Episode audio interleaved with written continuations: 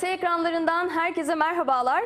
Bugün yine harika konuklarım var. Orçun Kaptan ve Güney Güneyan bizlerle. Hoş geldiniz. Hoş bulduk.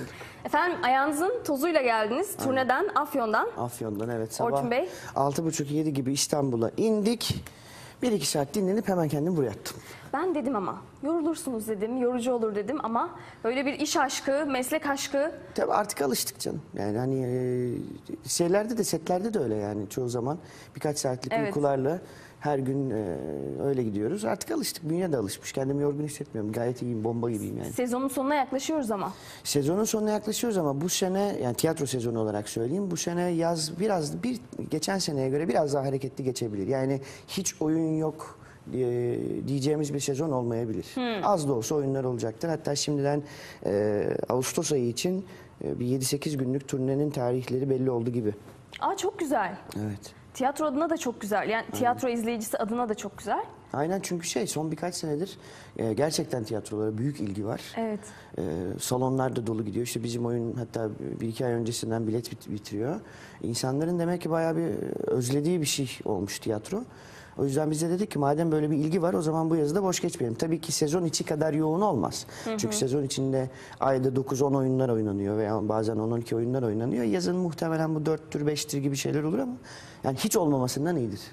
Harika. Bu Çok sevindirici bir haber. Güney Güneyan, genç bir girişimci diyebilir miyiz acaba? Ne Kısmen. diye ifade edersiniz kendinizi? E, emekçi diyebiliriz girişimciden çok. Wow, emekçi. 1 Mayıs'a da yaklaştığımız şu günlerde bir emekçiyi, daha doğrusu emekçileri burada ağırlamak her zaman bizim için bir onur. Güney Güneyan gazeteci yazar. Bu kimlikleri acaba ne zaman e, kazandınız ya da kazanma yoluna girdiniz? E, 2013 yılında ben mesleğe başladım. E, Şu döneme kadar da onunla ilgileniyordum. Son bir, bir- birkaç yıldır, e, herhalde iki sene olmak üzere komplike var hayatımızda. E, Genel olarak 6-7 yıldır bu işi yapıyorum. Onun Komplike dışı da dergi. var tabii ki. Evet. Değil mi? Hı hı. Dergimiz 2 yıl önce kurulmuştu ama onun öncesinde de gazeteci kökenliyim. Peki bu daha önce bir kırılma yaşadığınızı biliyorum. Yani böyle bir cesaret e, sergileyip farklı bir hayattan, farklı bir meslekten bir anda ben bunu yapmak istemiyorum. Hayır, e, ben gazeteciyim, ben dergi çıkartacağım. Hani buralara nasıl geldiniz? E, Daha önce yine ben e, dergi faal olduğu sırası- süre zarfında daha önce de e, başka işlerde çalışmıştım. Fakat o dönem alanımla ilgili bir iş yapıyordum. Fakat bir ayın öncesi telefon çalmıştı. Oraya da istifa edip işte artık Tam zamanlı tam olarak. anlamıyla bu işi yapmalıyım deyip bu mesleğe tamamen kendim adamıştım. Birkaç yıldır da bu süreç devam ediyor. Halen de devam ediyor. Önümüzdeki yıllar boyunca herhalde devam edecek. Adanmak kelimesi çok güzel bir kelime değil mi? Bir şeye tamamen odaklanmak, onun için her şeyi var edebilecek ya da yok edebilecek bir seviyede durmak. Evet. Kesinlikle. Yani zaten e, hayatımız boyunca bazı şeylere adanıyoruz. E, bu işimiz olabiliyor, başka şeyler olabiliyor. Fakat e, burada önemli olan niçin adandığımız diyebiliriz. E, benim de yolum biraz düşünsel bir yazınsal e, süreçten geçtiği için bu meslek benim için kırılma noktasıydı. Ki o dönem öncesi de zaten e, ben o işi yaparken farklı işlerde yapıyordum ama e, o gün telefonun çalması artık e, bazı şeyleri değiştirmem gerektiğini, hayatımda değiştirmem gerektiğini anladığım bir dönemdi. Başka şeylere adanırken istediğin şeye Evet, ona odaklanamıyoruz bir süre. Yani bunu es geçiyoruz. Aslında e, hayatımızı var etmemiz için, idame ettirmemiz için farklı şeyler yapmak zorundayız ama e, bir dönem geliyor ki bu artık e, aslında hayatın temel anlamı, işte ana maddesi değil. Bunu idrak ettiğinde tamamen adanıyorsunuz gibi bir şey diye, diyebiliriz. Peki Orçun Bey size dönelim. Siz her zaman ben oyuncuyum mu dediniz? Evet yani şöyle ki e, ben ilk sahneye çıktığımda ilkokul 4 falan da Adana'da Adana Şehir Tiyatrosu. Hatta son geçtiğimiz turnede Kayseri, Adana, Antep turnemiz oldu 3 gün. İlk sahneye çıktığım yerde sahneye çıktık. Wow ne kadar Kaçma güzel. Bakaçlar. Çok güzeldi, çok güzel e, anılardı. E, Dolayısıyla ben ilkokulda zaten artık bu işi yapacağımı biliyordum. Tabii e, o zaman ilkokulda çünkü çocuğa sorduğunuz zaman ne der? Doktor der, astronot der falan. Tiyatrocu deyince çok ciddiye alınmıyor. yani hani, Evet. Geçer. Aynen. Sonra ortaokulda da devam etti. Ben yine bir şeyler yapmaya devam ettim. Ee, Tekirdağ'a taşınmıştık artık Tekirdağ'da. Lisede bir ara vermek durumunda kaldım çünkü denizcilik okudum. Denizcilikte e, pek de öyle isteseniz de e, yapamıyorsunuz tiyatro. Haşır neşir Farklı bir disiplin çünkü. Çok farklı bir disiplin. Bir de tiyatrocu olmak sadece sahneye çıkıp oynamak değil. Takip etmek gerekiyor ya. Oyunları izlemek lazım. Neler yazılmış. Genç, genç yazarlar, eski yazarlar. E, denizcilikte onu yapmak çok zor oluyor. E, çünkü yatılı okul. Belli günlerde çıkabiliyorsunuz. Belli saatler aralığında. Öyle oyun izleme falan gibi bir şansınız yok. Sadece ihtiyaçlarınızı giderecek kadar bir zaman aralığı var. O denizcilik arasını saymazsak ben hep zaten oyuncu olacağım diyordum. Peki o aralıkta denizcilikle oyunculuğu aynı anda yapabileceğinizi düşünerek mi hareket etmiştiniz öncesinde? Ee, aslında şöyle, e, annemin tavsiyesiyle oldu bu. Ortaokuldan sonra o zaman sınavlar var. Hala var mı bilmiyorum. Lise sınavları, meslek liseleri, tapu kadastrolar bilmem ne. Ee, kurumlar sınavları falan. Ben bütün sınavlara girdim. Hepsinden de bir yer kazanmıştım yatılı okul olarak. Ee, annem o zaman bana dedi ki bunların biri Ankara'da, biri İzmir'de, biri Eskişehir'de. Sen oyuncu olmak istiyorsan İstanbul'a gitmelisin. Ee, İstanbul'da da kazandığım okul denizcilikti. O yüzden denizciliğe gelmiş oldum. Yani ben zaten denizciliğe geldiğimde denizci olmayacağımı biliyordum. Evet. bir durum var yani. Ama güzel yanı şu bu tarz şeylerin. Ee, siz orada denizcilik eğitimi alıyorsunuz. İşte 3-4 yıl mı? Ne kadar süreydi? dört buçuk yıl işte stajıyla vesaire. Neredeyse 5 yıl o insanlarla farklı bir ortamda kalıyorsunuz ve aslında bu sizi besliyor. Tabii tabii. Oyunculuk adına da çok ciddi bir veri kaynağı haline geliyor değil mi? Tabii bizim e, yatakhanemiz 90 kişilikti.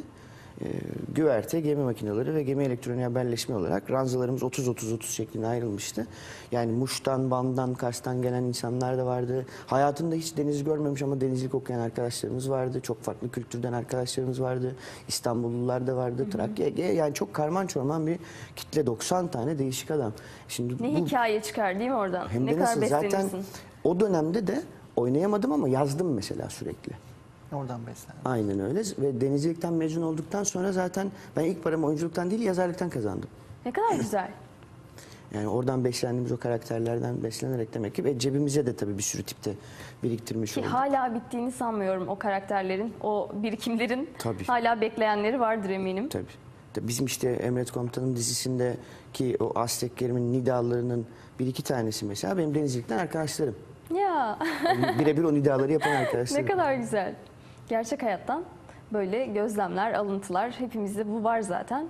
Ve o kadar zengin bir ortamda bulunmuş olmak da büyük bir şans. Aynen öyle. Hangi açıdan baktığına bağlı işte. Onu bir cehennem olarak da yaşayabilirdiniz. Ha, ya bazı bizim arkadaşlarımızdan bir kısmı mesela her gece rüyasında okulun yandığını görüyordu. Yani o kadar baskı şey falan filan hani ve öyle mutlu uyanıyordu. Okulda yandı dün akşam uyandı falan. Hani ne çektiyse o gün içinde. Kimisi öyle bakıyor. Kimisi ben de mesela başka taraftan bakmaya çalışıyordum. Bu dört sene benim için bilgi toplama, veri toplama diye bakıyordum konuya. Ki okulu da enteresan bir şekilde ikincilikle bitirdim. O da ayrı tabii de. Wow. Hani Fazla deniz- kaptırmış değil mi kendini evet. veri toplamaya? Denizciliği ikinci bitirip sonra oyunculuk yapmak da tabii biraz değişik oldu Evet. ama. Yani, ama halen de dediğiniz gibi sizin de o biriktirdiklerimden faydalanıyorum. Zaten bitmiyor ki. Yani sonrasında da biriktirmeye devam ediyorsunuz yani. Yazarlık da e, sizin de söylediğiniz gibi böyle aslında. Çevremizden çok etkileniyoruz. Yaşadığımız toplum bizi yönlendiriyor. E, kuliste bir şey söylemiştiniz. Çocukken gördüğünüz bir e, görselden bahsetmiştiniz. Onu da Evet. burada paylaşır mısınız? O Hrant Dink Aha. olayı evet. O an ben çok çocuktum ama e, o dönemden sonra hayatımı nasıl şekillendirmem gerektiğini kısmen anlamıştım. O bana o insanın mütevazi e, hayatı ama bir şeyleri değiştirme çabası bir ilham olmuştu. E, ondan sonraki süreçte bir takım yazınsal üretime girmiştim. Ama benim kilometre taşım oydu.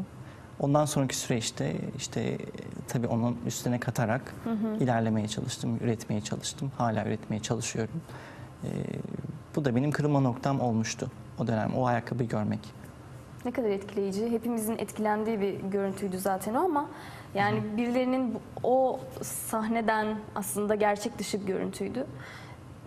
İlham alıp ya da etkilenip aslında olumsuz bir şey ama bu ateş de veriyor bir yandan. Evet. Hani nasıl etkilendiğine bağlı. Ya, bu şekilde hayatını şekillendirmesi çok güzel. Her zaman toplumdan beslenir yazarlar da. Yani sanatçılar daha doğrusu. Benim o dönem e, tabii onun dışında e, yaşadığım evre tabii ki daha farklı olmasına rağmen e, o görüntü beni etkilemişti. Yani bu toplum içerisindeki e, rollerimiz, e, ve o dönemin şartları. Çünkü Türkiye hep aynı şekilde e, geçmiş dönemden bugüne değin hep aynı şeylerden, aynı testlerden geçiyor vesaire. Aynı dönemleri tekrar tekrar yaşıyoruz vesaire. O dönem e, hiçbirimizin hafızasından, belleğinden silinecek şeyler değil. Silinmedi. Evet silinmeyecekti. Evet. Derginiz çok genç. Evet, henüz iki yaşına girmek üzere. Evet. Evet. Sosyal bilimler ve kültür alanında yayın yapıyoruz. Komplike dergi tekrardan söyleyelim. Evet, Komplike Dergi. O dönem e, 2017'nin Ağustos ayında başlamıştık. E, bir masada kuruldu gibi diyebiliriz. E, sosyal bilimlerle ilgili e, hiçbir yayının olmamasına rağmen ki var olan yayınların daha yeni edisyonları gibi düşünebiliriz. Bir sektörde bir açıklık vardı. Çünkü yeterince e, doygunluğa erişemiyordu okuyucular. Ben de hakeza öyle. Bir yayıncıdan önce ben bir okuyucuyum. E, o dönem o alanda çalışmalar yapan, içerik üreten pek de yayın olmaması biraz da bizi buna itti. Aslında sosyal bilimler ve kültür e, toplum nezdinde e, kabul görmeyen ama gerekli olan bir takım konular. E, biz bunlarla ilgili çalışmalar yapıp bunları paylaşmaya başladık. Normalde bizim e, oturup konuştuğumuz şeylerdi. Yani biz e, orada yazdıklarımızı zaten aynı masada konuştuğumuz e, konu, konular olarak e, işliyorduk. Fakat onun yazısal hal- hale getirmek de o süreçte oldu. Bir masada yani neden bunu yapmıyorum ki artık deyip yaptığımız bir şeydi. E, ondan dolayı da birden doğdu diyebiliriz. Aslında toplumun yeni nesilden e, ümidini kestiği bir dönemden geçiyoruz. İşte herkes sosyal medyadan şikayet ediyor, telefonlardan kimse başını kaldırmıyor diyorlar, sanatla kimse gerçekten ilgilenmiyor. İşte bu tarz şikayetlerde bulunuyor herkes ama bu gençler de var. Yani oturup masa başında bunlara kafa patlatan ve e, normalde zaten bunları konuşan ve bunları herkese duyurmak isteyen, bu yönde çabalayan insanlar da var. Bunu görüyoruz aslında değil mi? Ya açıkçası ben aslında şey diye düşünmüyorum. Yani hani e, gençler niye daha az yazıyor falan. Tam tersi ben daha fazla olduğunu düşünüyorum. Sadece şimdi bizim artık sosyal medya yüzünden, şu yüzünden, bu yüzünden o kadar çok kaliteli espri, kaliteli şeyler yazılıyor ki biz bunların üstüne çıkanları az olarak görüyoruz. Aslında onlardan yüzlerce var. Kendi içerisinde Farklı bir bir bakış azınlık. açısı. Yani çok yani bugün herhangi bir sosyal medya işte o kullandığımız sosyal medya araçlarının herhangi birine baktığınızda mesela e, ana sayfaya düşenlere en azından baktığınızda e, en az 10-15 tane ben ki çok zor gülen bir adamım. Gülme konusundan yaklaşayım en azından. 10-15 tanesine gerçekten kahkaha atıyorum. Bunlar sadece görebildiklerimiz. Şimdi dolayısıyla sizin gibi dergi çıkartacak olanlar veya işte yazacak olanların onların bir tık üstüne geçmesi gerektiği için bize az gibi gözüküyor aslında. Yani totaline baktığımız açısı, zaman evet. bence çok e, Mantıklı. fazla. Ee, özellikle yazarlık alanında. Sadece şöyle bir tiyatro için söyleyebilirim affına sığınarak. Tiyatro yazarı, genç yazar pek yok, az yani. Çünkü sanırım e, başka alanlara yönelmeyi, daha e, özgür olabilecekleri mecraları düşündükleri için oluyor bu. Tiyatro yeterince özgür bir alan değil mi sizce? Ee, e tabii şimdi şöyle, e, baktığınız zaman siz eğer belli kurumlara e, oyunlar yazacaksanız biraz kendinizi e, dizginlemeniz gerekiyor. E, Belli sınırlar dahilinde. Aynen maalesef. Özel tiyatrolara yapacaksanız da bu sefer otokontrol devreye girmiş oluyor. Çünkü özel tiyatrolarda en nihayetinde bu işi turnelere gittikleri zaman ellerini kollarını sallayarak gitmiyorlar. Gene belediyelere şunlara bunlara e, satıyorlar veya gişe açıyorlar falan. Gene bir otokontrol devreye girmiş oluyor. Dolayısıyla genç yazarlar sanırım e, o konuda kendilerini dizginlemek istemedikleri için tiyatroya yönelmiyorlar. Ama baktığın zaman sinema öyle değil. Ben yani bugün sokağa çıkalım hep beraber bir kafe bir kafede oturalım bir şey olsun. Bizimle sohbete gelecek en az 10 gençten 6'sı elimde bir sinema senaryosu var der. Evet, ben çok doğru. karşı herkesin sinema senaryosu var mesela. Yani demek ki var. İyisiyle kötüsüyle onu bilemeyiz ama demek ki sinema konusunda bu kadar e, coşabilecek arkadaşlar tiyatro konusunda pek e, atılımda bulunmak istemiyorlar demek ki. Yaratım süreci biraz daha, e, daha doğrusu üretim süreci biraz daha e, kolay olduğu içindir belki de. Kolaydan kastım şu, teknolojiyle desteklenebildiği içindir. Evet. Yani diğerinde işte sahnesi, oyuncusu, onu satacağın yer e, çok ciddi bir külfete dönüşebiliyor. Ama diğerinde e, ufak bir kamerasıyla kısa film bile çekebilir. İşte onun sadece teaserını da çekebilir. Bir şekilde onu tanıtacak bir şeyler yapabilir ve devamını getirebilir. E, aynen öyle. Bir de işte bu dergilerle ilgili mesela ge- geçenlerde yine bir arkadaşla konuşuyorduk. İşte psikoloji mezunu. E, hatta bizim filme de e, destek verdi. Onlar da mesela dergi çıkarmışlar. Demek ki şunu düşünüyorum dediğim gibi demek ki dergilerde yazmak veya belli alanlarda en azından yazmak e, kalemini çok özgürce kullanabildiğin alanlar veya bilmiyorum belki de basmak mı kolay eskisinden daha mı Bazı kolay? şartlar e, revize edildi. Yani tamam yayıncılık zor bir meslek ama bir şey yayınlatmak veya yayını hazırlamak çok kolay. Yani e, örneğin bir programla bile bir dergi e, dizayn edilebiliyor. Artık kolay Dijitalleşmeden dolayı tabii değil mi Tabii bu? ki yani eski türdeki gibi değil. Artık her şeyin e, teknolojiyle değişmesiyle birlikte her şey daha ulaşılabilir, daha kolay hale geldi. Bunlar biraz da bunu destekliyor. Bu savlar çünkü bundan dolayı e, çıkmaya başladı. Tabii bu kötü bir e, süreç değil. Üretim var çünkü yazınsal bir üretim var. E, bu iyi değil ama işte kendini tekrar eden yayınlar biraz daha e, problem yaratabilir. Şu an çok var değil mi şey e, popüler Popüler diyebileceğimiz kültür dergiler? alanında tabii ki edebi metni şey edebi yayınların artması e, biraz da bu kültürü e, simsarlara tems- te- teslim etmek gibi bir şey oldu. Yani çok fazla yayın var. E, yazılanlar hep aynı, isimler aynı, kapaklar aynı. E, sadece isimlerin dışında yönetim isimleri değişiyor. Fakat e, dergilerin yazarların adları, dergilerin kapakları Evet. bile artık aynılık gösteriyor. Bu biraz bayağılaşmaya dönmeye başladı. Yani çok fazla yayın var fakat e, kaliteli ve yetkin bir metin e, içeriği olan dergi yok. Tabii bazıları istisnadır. Elbette var evet, Evet. ama az. Bir de şey dikkatimi çek- çekiyor benim ve çok üzülüyorum aslına bakarsanız. Ne kadar çok edebiyat veya herhangi bir alanda dergi çıkarsa ki eskisi gibi böyle haftada bir değil, ayda bir. İşte kağıt paraları, şunlar bunlar falan hesaplandığında. Fakat mizah dergileri de aksine azalıyor. Evet. Ne kadar büyük bir kayıp. Şu anda mesela bildiğimiz kadarıyla bir veya iki tane vardır. Birçoğu kapandı. üç tane vardır. Evet. Ee, yani belli bir Birkaçı da direniyor. yakalayabilen. Yani mesela keşke onlar da artsa. Yani şunu demek istiyorum aslında. Keşke bütün dergiler, e, hatta tiyatrolar sayıca artsa.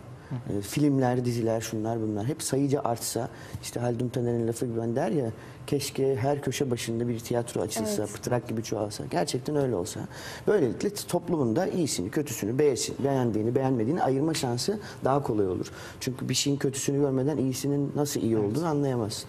Ama dediğim gibi mizah dergileri konusunda bunu görememek çok üzücü. Birkaç tane alternatif çıktı aslında ama e, piyasaya tutunam- tutunamıyorlar. Dolayısıyla onların da varlığı yok yok gibi bir anlam taşıyor. E, çünkü kütleşmiş 2-3 tane e, yayın var.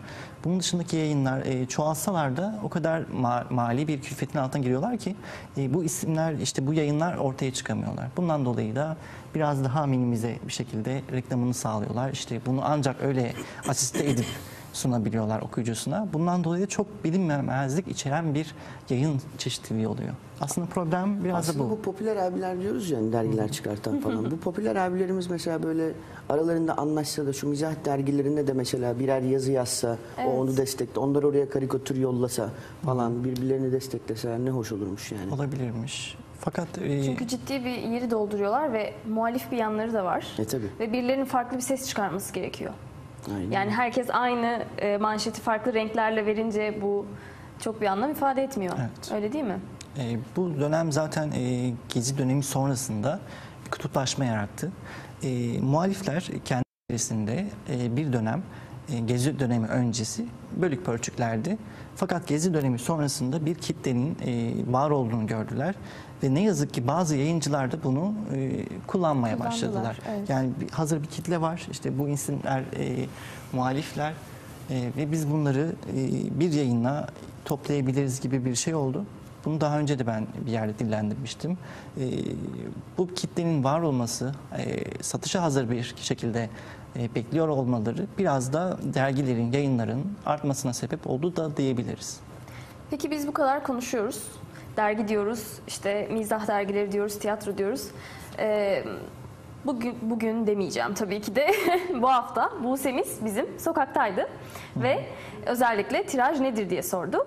Eğer hazırsa hep birlikte sokak röportajını izleyelim. KRT ekranlarından herkese merhaba. Bugün Mecidiyeköy sokaklarında tiraj nedir diye soracağız. Bakalım nasıl cevaplar alacağız. Hadi beni takip edin. Merhaba, kendinizi tanıtır mısınız? Sevim Cengiz Çok memnun olduk. Sizce tiraj nedir? Tıraş. Evet. Hiç duydunuz mu? Duymadım. Ya Hani- duydum da şu an şey yapamıyorum. Gazete tirajı falan olur. Nedir o sizce? Gazete tirajı. Şey mi? e, sayı olarak mı yani böyle satış şeyi falan? Evet çok doğru bir noktadasınız şu an. Siz tanıyabilir miyiz? Adil üçüncü ben. Çok memnun olduk Adil Bey. Sizce tiraj nedir? Tiraj bir e, var olan bir e, gazete gibi mesela gazetenin e, satış ya çıkarıldığı miktardır tiraj esas miktar. E, tiraj ise işte onun satılması ne kadar çok satılıyorsa tirajı o kadar yüksektir denir. Merhaba kendinizi tanıtır mısınız? Şahin Topaloğlu, Adanalıyım. Çok memnun olduk. Yaman Besni. Çok memnun olduk Şahin Bey. Sizce tiraj nedir? Tiraj eee, bir gazetenin veya bir derginin günlük sayısı, satış, üretim sayısı. Merhaba siz tanıyabilir miyiz? Ben Nizam Özden, İstanbulluyum. Çok memnun olduk Nizam Bey. 57 doğumluyum. Size tiraj nedir diye sorsam. Tiraj gazetelerin bir nevi gözde olması. Gözde olması. Yani Merhaba sizi tanıyabilir miyiz? Hüseyin Kara, Memnun olduk Hüseyin Bey. Sizce tiraj nedir? Tiraj, gazete, kitap, dergi. Neyi oluyor onların? Ya en azından eee, gündelik haberleri ya da tarihi eee, bilgileri alabiliyorsun. Eee, Ben bildiğim daha şeyler var ama detaylı şu anda Satışlarıyla mı alakalı? satıştan değil, bilgiyle alakalı bence yani. Sen de gel gel gel gel çıkman lazım. Kameranın bunu görmesi lazım. Merhaba sizi tanıyabilir miyiz? Merhaba ben Duygu. Siz? Bekir. Çok memnun olduk sizlerle. Sizlere tiraj nedir diye sorsam ne dersiniz? Tiraj hiçbir fikrim yok. Hiç duydunuz mu? Tiraj hmm, yani film filmlerle falan ilgili olabilir. Merhaba sizi tanıyabilir miyiz? Suna Atayurt. Çok memnun olduk. Sizce tiraj nedir? Tiraj gazetelerin okuma e, seviyesini belirleyen belirleyendir. Duydunuz değil mi daha önce? Canım duydum. Mesela nerelerde kullanıyorlar bunu gazete dışında? Gazete dışında dergilerde. Başka da bilmiyorum. Harika. Ekibimize çok teşekkür ederiz. Bu senin de ilk röportajıydı. Hayırlı Onu olsun da buradan Buse. evet alkışlıyorum. Ee, artık tirajın yerini tıklanma aldı diyebilir Tıklanmalar, miyiz? okunmalar aldı. Evet. Ziyaretçi sayısı, tekil ziyaretçi sayısı aldı. Peki bunu arttırmanın e, yolları neler? Ee, Dergi için soruyorum. legal derginiz için. olarak bakarsak daha iyi, daha yetkin ve daha özgün çalışmalar yapmak ama tabii bunun dışında da sebepler Ama insanların var. haberi yoksa bu özgün çalışmayı nasıl hani ulaşacaklar? Bunun tabii çeşitli PR'la olabilir veyahut işte genel olarak bu yapılır o yüzden söylüyorum. Ee, belirli isimlerle çalışmak, kalifiyeli olsun veya olmasın. Gene konu döndü dolaştı popüler haberlere Evet, geldi. evet, şey girmiştir evet. Yani Sizde şey var popüler- mı böyle isimler? Özellikle gözetiyor musunuz? Hayır, biz İsim vermeyelim şimdi ama birkaç tane var. Onları bunun için bulunduruyoruz gibi bir durum hayır, var mı? Hayır yok. Bizde e, yeni giren bir yazarda e, herhangi bir, bir akademisyenimiz de geldiğinde bizde her şey alfabetiktir. E, paylaşımlar, yazıların nerede olacağı, e, kapak tasarımındaki yerleri, işte dergideki Kast yok konumları. yani. Hayır, kesinlikle yok. E, burada biraz daha eşit, eşitlikçi bir yaklaşım var. Çünkü bu genç yazarı desteklediğimizde ilerleyen zamanlarda e, ge- gelişimini izlememizi sağlıyor. Çünkü diğer türlü e, bazı yazarlara tolerans sağlamamız bu isimleri kırgın birer genç yazara Evet. dönüştürebiliyor. Biz bunun biraz daha önüne geçmek için çeşitli yollar deniyoruz. Daha çok işte e, eşitlikçi davranmak ve tamamen tolerans dışı bir davranışta bulunmamak gibi. E, bizde tabii ki iyi isimlerimiz var, tanınmış isimler de var. Fakat e, bunu O sebepten lanse eder, bulundurmuyorsunuz. hayır, lanse ederken yine e, paylaşımımızda alfabetik olarak yayınlarız. İşte bu isim var demeyiz. Yani bu isimler var deriz tabii ki ama e, öne çıkarma gibi bir e, lüksümüz yok. Bizim öyle bir yayın politikamız yok. Biraz daha eşitlikçi, e, olabildiğince e, objektif bir e, paylaşım şeyi kurduk biz kendi içerimizde. Ne kadar güzel. kurduk. Popülaritede ünvanlar sizi etkilemiyor. Hayır. Yani bu hiçbir dönemde şekilde- böyle bir oluşum e, hayata geçirmek ne kadar güzel. Çok zor bir şey. yani. Zorluğu Evet. olsa da- Böyle ayakta kalabilmek de çok zor. Eminim ciddi problemleri, zorlukları Mali vardır. açıdan ve tabii yönetimsel de olmasa da yönetimsel problemlerimiz de var. Çünkü e, mali açıdan tabii ki bunu asit eden ben ve yine ben diyeyim. Benim dışında kesinlikle bu yayına e, mali açıdan destek çıkan kimse yok. Çeşitli tabii ki işbirlikleri, reklamlar vesaireler olabiliyor ama onun dışında e, genel olarak e, yayını asit eden kişi benim ve e, onun dışında geliştirdiğimiz bir proje. Bu da e, geçtiğimiz hafta e, faaliyete geçti. Türkiye'de bir ilkti bu. E, kullanıcılar yani okuyucular yazara e, yazara kahve ısmarla gibi bir butonla sadece okuduğu yazara kahve ısmarlayabiliyor. güzel. Bu bağımsız yazarları ve yayıncıları desteklemek için Türkiye'de yapılmış ilk olduğunu düşündüğüm bir şey. Çünkü Türkiye'de bir örneği daha yok. Daha önce tabii ki yurt dışında yapılmış olabilir ama Türkiye'de entegre edilmesi şu an için en mümkün değil gibi. Bazı Biz bunun öncülüğünü yapıyoruz. özür diliyorum böldüm. Bazı siteler üzerinden bağış yapılıyor diye biliyorum Patreon. ama gazetecilere... Ha evet o. Patreon Hı hı. var fakat e, Patreon'u kullanan kitle yani kullanamayan bir kitle var. Yani tabii ki bu bazı kişiler bu Patreon'u kullanma aşamasında çok problem yaşamıyorlar. tamam. Bazı e, şeylerde, e, uygulamalarda bunu yapabiliyorlar fakat e, bazı yayınlarda tabii ki e, bazı programlarda tabii ki bunu yapamayanlar da var. Biz bunlar Bir anda için hepsi bazıya dönüştü. Evet. evet bu çok zor oldu benim için. E, O kelimeyi kullanmadan. Dolayısıyla şey var, daha alternatif başka bir Türkiye menşeli olmasa da Türkiye'de faal olarak kullanılan bir e, firmayla çalıştık. Sadece bir bağış butonu var ve yazının sonunda yer alan bir buton bu. Orada 15, 35, 45 e, bağış tutarları var.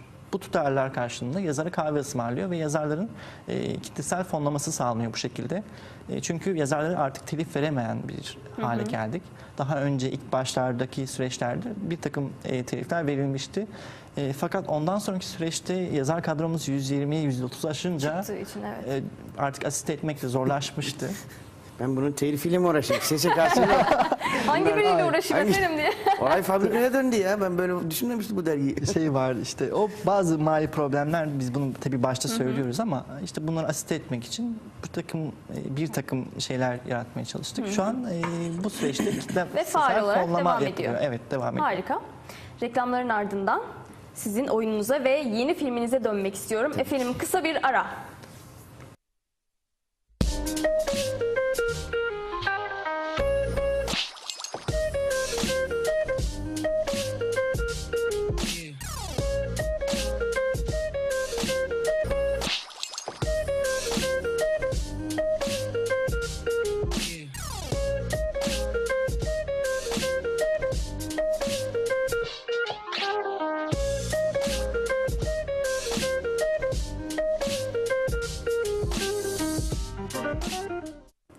Reklamın ardından yine birlikteyiz. Orçun Bey, e, 26 Nisan'da filminiz vizyona girdi. Girdi. Etkisiz Eleman. Evet sıfır etkisiz hı. elemanlarıyla girdi.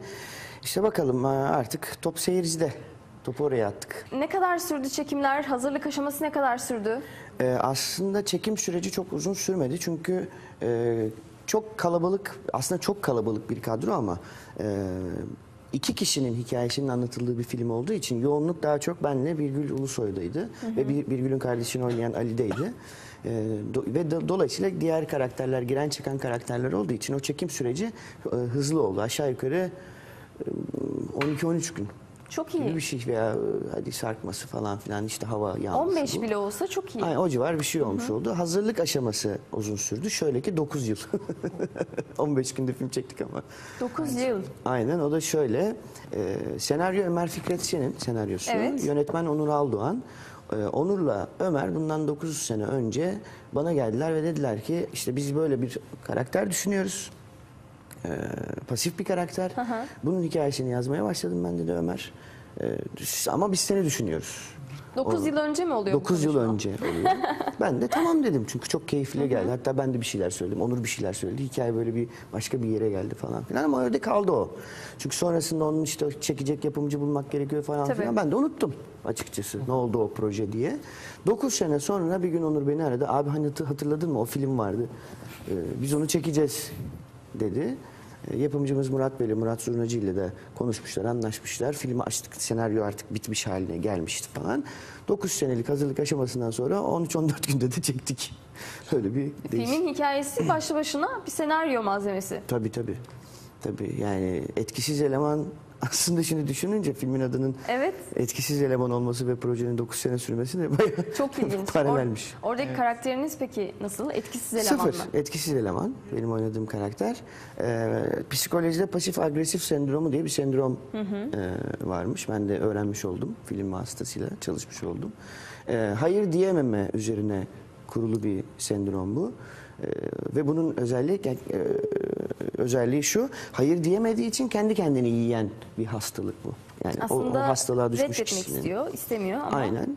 Ee, ve ad- adam aslında avukat da bir yandan. Mesleğini de icra edememeye başlıyor. Fakat daha sonra karısı çok sevmesine rağmen kocasının bu özelliği artık katlanılmaz bir hale geliyor. Ee, her şeye tamam demesi, hiç, hiçbir şeye hayır diyememesi. Karısı da diyor ki bu işi çözeceksin ya da ben bu evi terk ediyorum. Tamam seni seviyorum ama böyle de bu hayat geçmez. Ee, Dolayısıyla artık bu bizim etkisiz elemanımız bunu nasıl çözeceğini araştırmalara başlıyor. Düştüğü komik durumlar üzerine yine bir sürü sahnemiz var. En sonunda bir psikoloğa gidiyor. Psikologda bu tanı konuluyor. Ee, fakat psikolog da tabii absürt bir e, karakter olduğu bir yani zaten komple absürt bir film.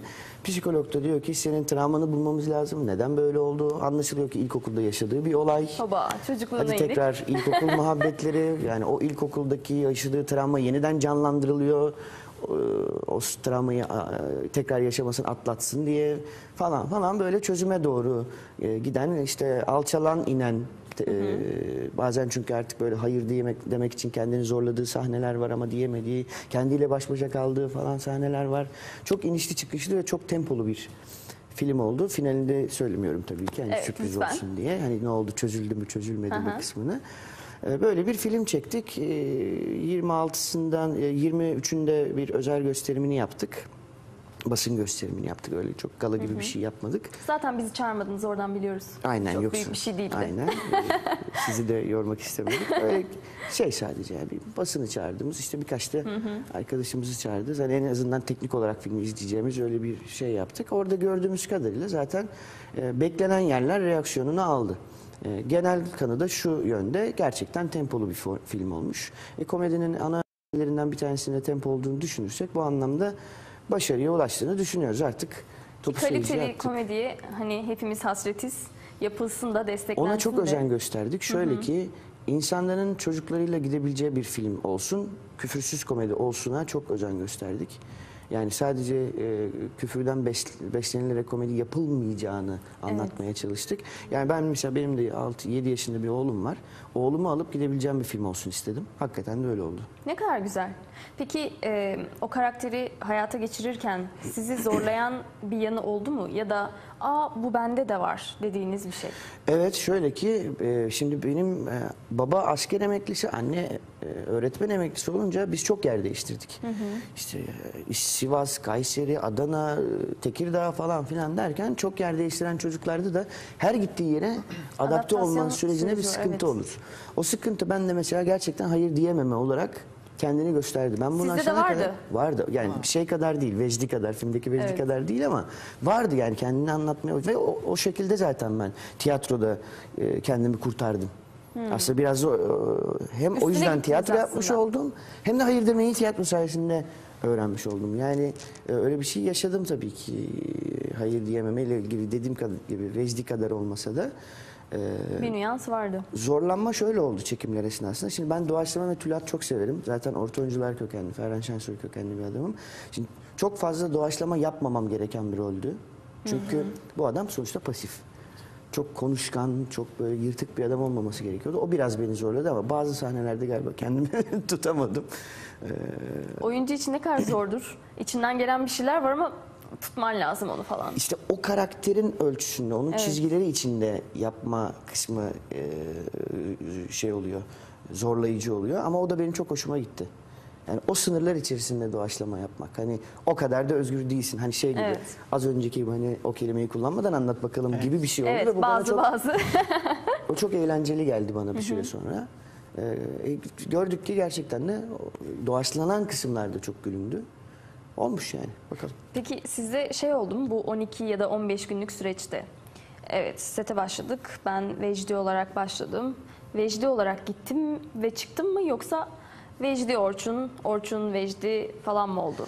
E, ister istem. Ben şeye inanmıyorum yani. O karaktere girdim ve artık ben Vecdiyim. Yok öyle bir şey. Yani o zaman delirmemiz lazım. Hepimizin tedavi olması lazım. Ben tabii ki Orçun'dan da ögeler olacaktır. Ama hani az önce de konuştuk ya cepteki e, tiplerden, karakterlerden, yaşanılanlardan beslenince zaten o yüzde seksen Vecdi olmuş oluyor ister istemez. Evet. Zaten ben de hani o hayır diyememeyle olan muzdariplikten ben de biraz oraya da bir şeyler katmış oldu. E, ben beni yani herhalde en çok yoran şu olmuş olabilir. Ee, başrol e, olunca ve her sahnede olunca yani hiç boşluk yok. Evet. Hani diğer arkadaşlar mesela bir gün depo yapıyor, dinleniyor falan. Sen her gün Haliyle. settesin falan. İkinci, üçüncü günden sonra oyun devamlılığı, bir de inişler çıkışlar var adamın karakterinde falan. Üçüncü, dördüncü günden sonra ben hangi ruh halinden nereye geldim, nereye gidiyordum oluyor. Ben neredeydim? Neredeydim? Çünkü düzenli çekmiyoruz. Bazen birinci, bazen 50. sahne çekiliyor. Bazen üç, öbür gün 70 final sahnesi çekiliyor derken orada biraz bir yorum oldu ama o konuda da yönetmenimiz işte Onur çok yardımcı oldu. Onur Aldoğan. Genç ve yetenekli bir yönetmendir o da. Buradan Aynen selamlar öyle. kendisine. Onur, e, aynen selamlar Onurcuğum. E, o çok rahatlattı. E, içine sinmediyse bir daha. İçine sinmediyse bir daha şeklinde. güzel. O sinerji çok güzel. Aynen öyle. Öyle çıkarmış olduk. Artık top seyircide bakalım. Bekliyoruz. Ee, Güney Bey size dönmek istiyorum. Yazarken e, özellikle nelere dikkat ediyorsunuz? Yani bu çok klasik bir soru biliyorum ama yani sizin e, zihninizde bir şeyler oluşup mu döküyorsunuz yoksa hayır ben hiç düşünmeden kalemi kağıdı elime alıyorum ve o bana dökülmeye başlıyor mu? E, bu genelde edebi bir metinse e, biraz daha kapalı bir ruh halim var. Gündüz pek yaşayabilen bir insan da değilim. Yani gündüz dediğim aydınlık, işte güneşli bir ev veya işte herhangi Cıvıl bir yer cıvıl. pek sevmem.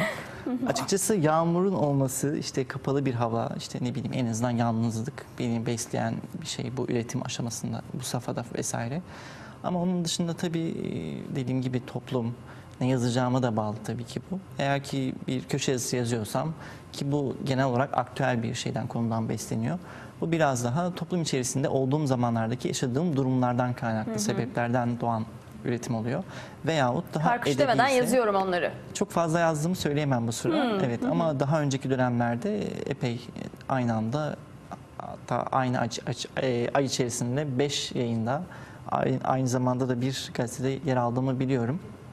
Bu dönemlerden e, sonraki süreçte bana kalan zamanlarda ise tabii ki kendim için edebi metinler yazmak biraz daha zor bir süreç gerektiriyor. Bu dönemlerde biraz daha kendi içimde daha kapalı, daha ne derler karanlık, gotik bir Evet. şey hava var. Kendi içerisinde olduğu gibi. Genelde bu şekilde şekillenen ve sonrasında üretime dökülen şeyler işte. Biraz da meteorolojiye bağlı yani. Evet biraz kesinlikle. Peki siz oyun yazarken nelerden etkileniyorsunuz? Yani komedi yazarken melankolik bir havada olmanız sizi etkiliyor mu? Ee, yok ben çok çabuk e, atarım onun üzerimden. Yani böyle bir şeye saplanıp o- o ruh halinde kalmayı pek sevmiyorum. Ee, o yüzden mesela kin tutamam, nefret edemem, ko- çok çabuk unuturum, affederim. Çok yani hani bilmiyorum iyi mi de ee, öyle bir Yorum yok. tarafım var. Ya- Yani hatta çocukken o kadar uzun ağlamışım ki annem şey demiş hani neye ağlıyorsun, ağlıyorsun?" neye ağladığımı unutmuşum falan o derece unuturum yani. Öyle bir durumum var. Ee, özellikle söz konusu komedi olunca zaten ne ruh halinde olursan olsun çok üzgün de. Yani tabii ki hani Allah korusun çok kötü bir şey yaşamadığın sürece ne ruh halinde olursa olsun kendini motive edebiliyorsun zaten. Çünkü zaten dediğim gibi senin cebinde sağında kıyında köşende notların bir yerlere yazdığın bir şeyler karakterler bir şeyler olmuş oluyor. Veya ne yazacağını bilmiş oluyorsun. Ee, zaten bize usta da öyle derdi Ferhan Şensoy, Ferhan Usta. Ee, ben bir oyuna başladığım zaman aslında bit finalini bilirim. Yani ikinci perdesini bilirim. Hani sen de bil derdi. Yani öyle hadi başladık. Ya nereye Ne giderse. gelirse, evet, e, o ne olmuyor yani. tehlikeli. E, aynen öyle. Bu sefer çünkü bağlamakta sıkıntı çekersin finali. Siz daha iyi bilirsiniz. Tanrı bilir tıkanacaksın bir yerinde ve kalacaksın. O hiçbir zaman sonuca varamayacak belki de. E, o yüzden mesela bizim e, s- sketch mantığıyla yazılan işler için söylüyorum bunu. Çoğunun finali kötüdür. Başlar yazmaya, sonunu düşünmemiştir.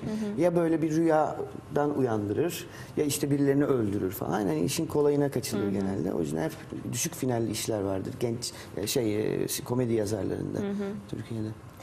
Ee, kaç baba kaç? Evet. Kalabalık bir kadrosunuz. Şu an turnede olduğunuz oyun budur değil mi? Doğru biliyorum. Hı, Aha. 11 kişiyiz. 11 kişisiniz. Ee, kaç baba kaç işte e, bir Kayseri Adana Antep yaptık, Afyon yaptık.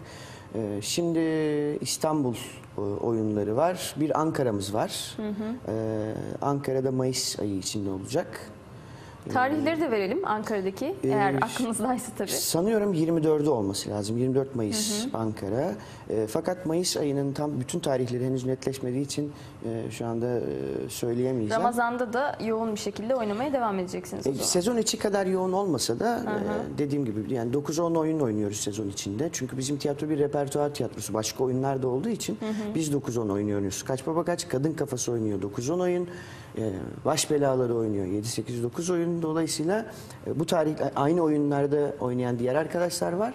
Ancak bu şekilde örtüşüyor. Yani iki oyunda birden oynayan arkadaşlar var. Ama Ramazan'da ister istemez bir e, düşüş oluyor. Çünkü insanlar e, hem o iftar saatinde dışarıda olmak istemiyorlar. Daha böyle dingin geçirmek istiyorlar. E, öyle olunca bir düşme oluyor ister istemez. E, dolayısıyla Ramazan'da şu anda yani Mayıs ayı boyunca sanırım 4 veya 5 oyun gözüküyor şu anda. Ka- kaç baba kaç için söylüyorum. E, onun haricinde kadın kafası yine gidiyor. Mesela Kıbrıs'a gidilecek bir şeyler falan var. Yaş sınırı nedir peki? Kaç baba kaç için? Yaş sınırı yok. İşte biz e, Afyon turnesinde iki gün kaldık. Bir e, kolejin salonunda oynadık. Yani çocuklar da vardı, büyükler de, yaşlılar da vardı. Ne kadar güzel. Yani yaş sıkıntısı yok. Ee, Güney Bey sizin e, derginizi peki dönemler etkiliyor mu? E, genel olarak Yani işte yılbaşı, Ramazan, bayramlar, milli bayramlar, ona Yok. göre konsept vesaire belirliyor Yok, musunuz? hayır. Konseptler aylar öncesinden belirleniyor. Bir yayın şemamız var. Yayın planlamamızda e, ilk 6 ay içerisinde, yılbaşından beri 6 ay içerisinde hangi yayın, ne zaman ve hangi dosya konusuyla işlenecek belli. Zaten 3 aylık bir yayın olduğumuz için 6 ayda 2 yayın yapmış oluyoruz. Başlıklar neler peki? Bu e, üçüncü sayımızda e, biraz daha farklı bir tema işledik. E, aidiyet olacak bu sayımızda. Genel olarak zaten e, bakıyoruz, e, aktüel bir dil yaratmaya çalışıyoruz. E, genel olarak seçim havası hakimdi. Sonraki dönemde de bunun e, yansımalarının olacağını hissedip biraz aidiyet duygusunu e, ele almak istemiştik. Bu üçüncü sayımız aidiyet temalı oldu. Ama genel genel değiş, zaman zaman değişebiliyor. Genel olarak e, dönemin o dönem neden beslenilmesi gerekiyorsa, yani ne- neyin araştırılması gerekiyorsa onun araştırmasını yapıyoruz bir nevi. Bu sayıda aid- aidiyetti çünkü e, belli başlı problemlerimizin sebebi de zaten buydu. E, toplum nezdinde tabii ki bu. Bu sayıda bunu işliyoruz ama tabii bu zaman zaman değişebiliyor dediğim gibi. Şu an için Bizim 6 aylık planımız hazır. de Üç ayda bayağı bir konu birikir. Her Evet, gün bir şey. Çok çok hızlı Evet. değişen bir gündeme sahibiz. Aynen. Özellikle epey bir şey birikiyordur. Tabii ki. Ama bu şey yayına etki etmiyor. Yani tıklanmadır, işte okunmadır, teki ziyaretçi sayısıdır vesaire. Bunları çok da etkileyen bir faktör değil. Çünkü zaten e, yayının e, var olan bir e, okuyucu kitlesi var. Bunun dışında da her gün e, ziyaret eden bazı okuyucuları var. E, onun dışında yayının biraz daha çok çeşitli, çok sesli olması da bu multidisipliner anlayışa fayda sağlayan bir etken. O seslerden biraz bahsedebilir miyiz? Tabii o ki. bölümlerden.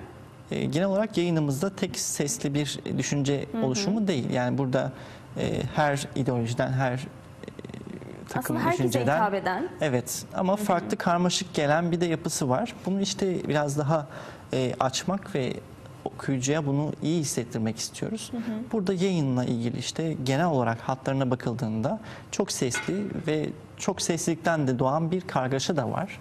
Bunu işte e, okuyucunun iyi anlaması ve idrak etmesi de yayın- yayındaki diğer odaklarında iyi anlaşılmasından geçiyor.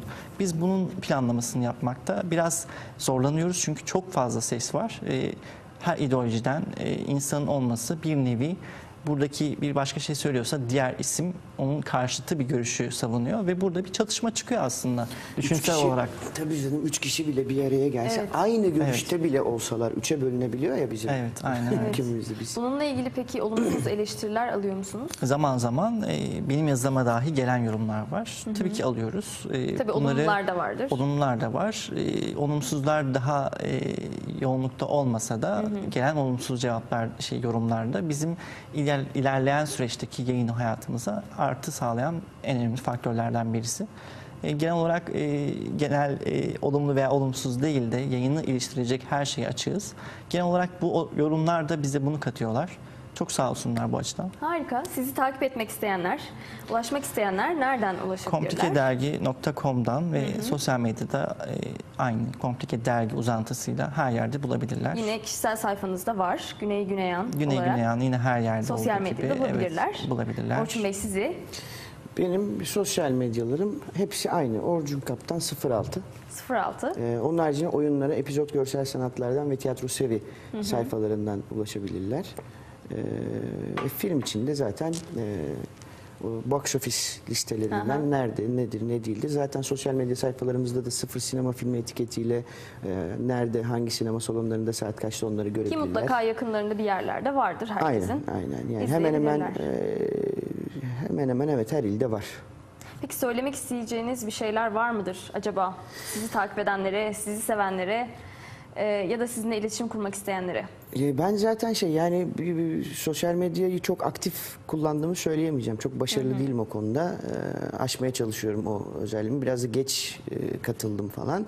E, ama hiç kimseyi kırmamaya çalışıyorum. Elimden geldiğince bütün mesajlara dönüyorum. E, varsa eğer filmle ilgili olur, oyunlarla ilgili olur bir eleştirileri, görüşleri hepsini açayım. Buyursunlar. Mesaj Harika. çeksinler. Genelde yani e, mutlaka hemen hemen hepsine cevap veriyorum çünkü. Süper. Etkileşime açıksınız. Açayım evet. E, Güney Bey siz söylemek istedikleriniz var mıdır? Hmm, Ben de herkese teşekkür ediyorum. Ee, ilk günden bugüne dek emek veren, yayında emek veren, okuyan herkesime, herkesime teşekkür ediyorum. Onun dışında ben de mesleğim gereği e, hocam gibi iletişime açığım. Olası problem veya herhangi bir yorum için de bekliyoruz. Çok teşekkür ederim onun dışında. Harika. Bugün bizlerleydiniz, onurlandırdınız. Çok keyifli bir program oldu. E, sonuna geldik. Çok çabuk İçinde geçiyor çok programlarımız. Evet, bugün de öyle oldu. Efendim bugünlük programımızın sonuna geldik. Programımızı kapatırken Sıfır Etkisiz Eleman filminin fragmanını izleyeceğiz hep birlikte. Bir dahaki bölümde görüşmek üzere. Hoşça kalın, sağlıkla kalın.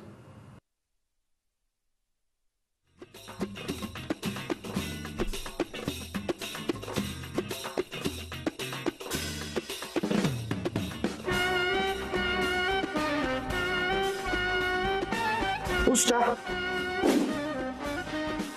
Abi senin takım taklavat gitmiş. Ne, ne takım? Ben o kadar hor kullanmadım ki ya. Adam pasifmiş. Ne pasif be? Ben öyle bir dedim. Enişten basit basit ama. Adamı bir koydum adamın anasını al. Hocam, şimdi ben daha önce e, sülükle emdirmedim. Acaba bu sülüğü neremize nasıl e, emdirmeliyiz? Sakın akşam eve geleyim deme tamam mı? Sakın, sakın.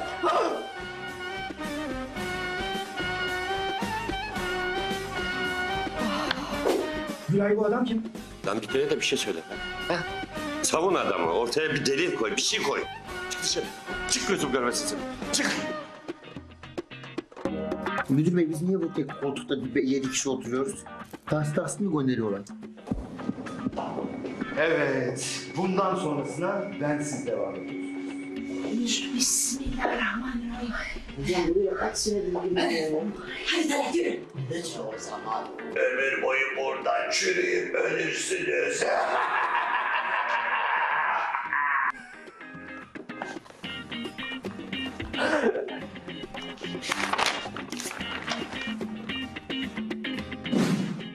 Oğlum sen de biraz çabala. Anladık. Durumun sıkıntı. Nasıl bir adamsın ya? Kafanın içinde senin beyin mi var? Boş mu? Kur'an der mi yapıyor kafanın Yenge. içi? Vallahi alacağım ayağımın altına. Evet. Hadi, hadi gidelim hayatım. Ya rahatsız etmeyin. Belki kadın ölmek istiyor sakin sakin.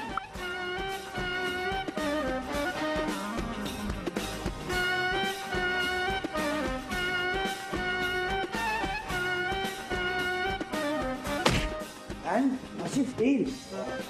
Ben pasif değilim. Ben pasif değilim. Bir rahatlama oldu ama. Ben mi?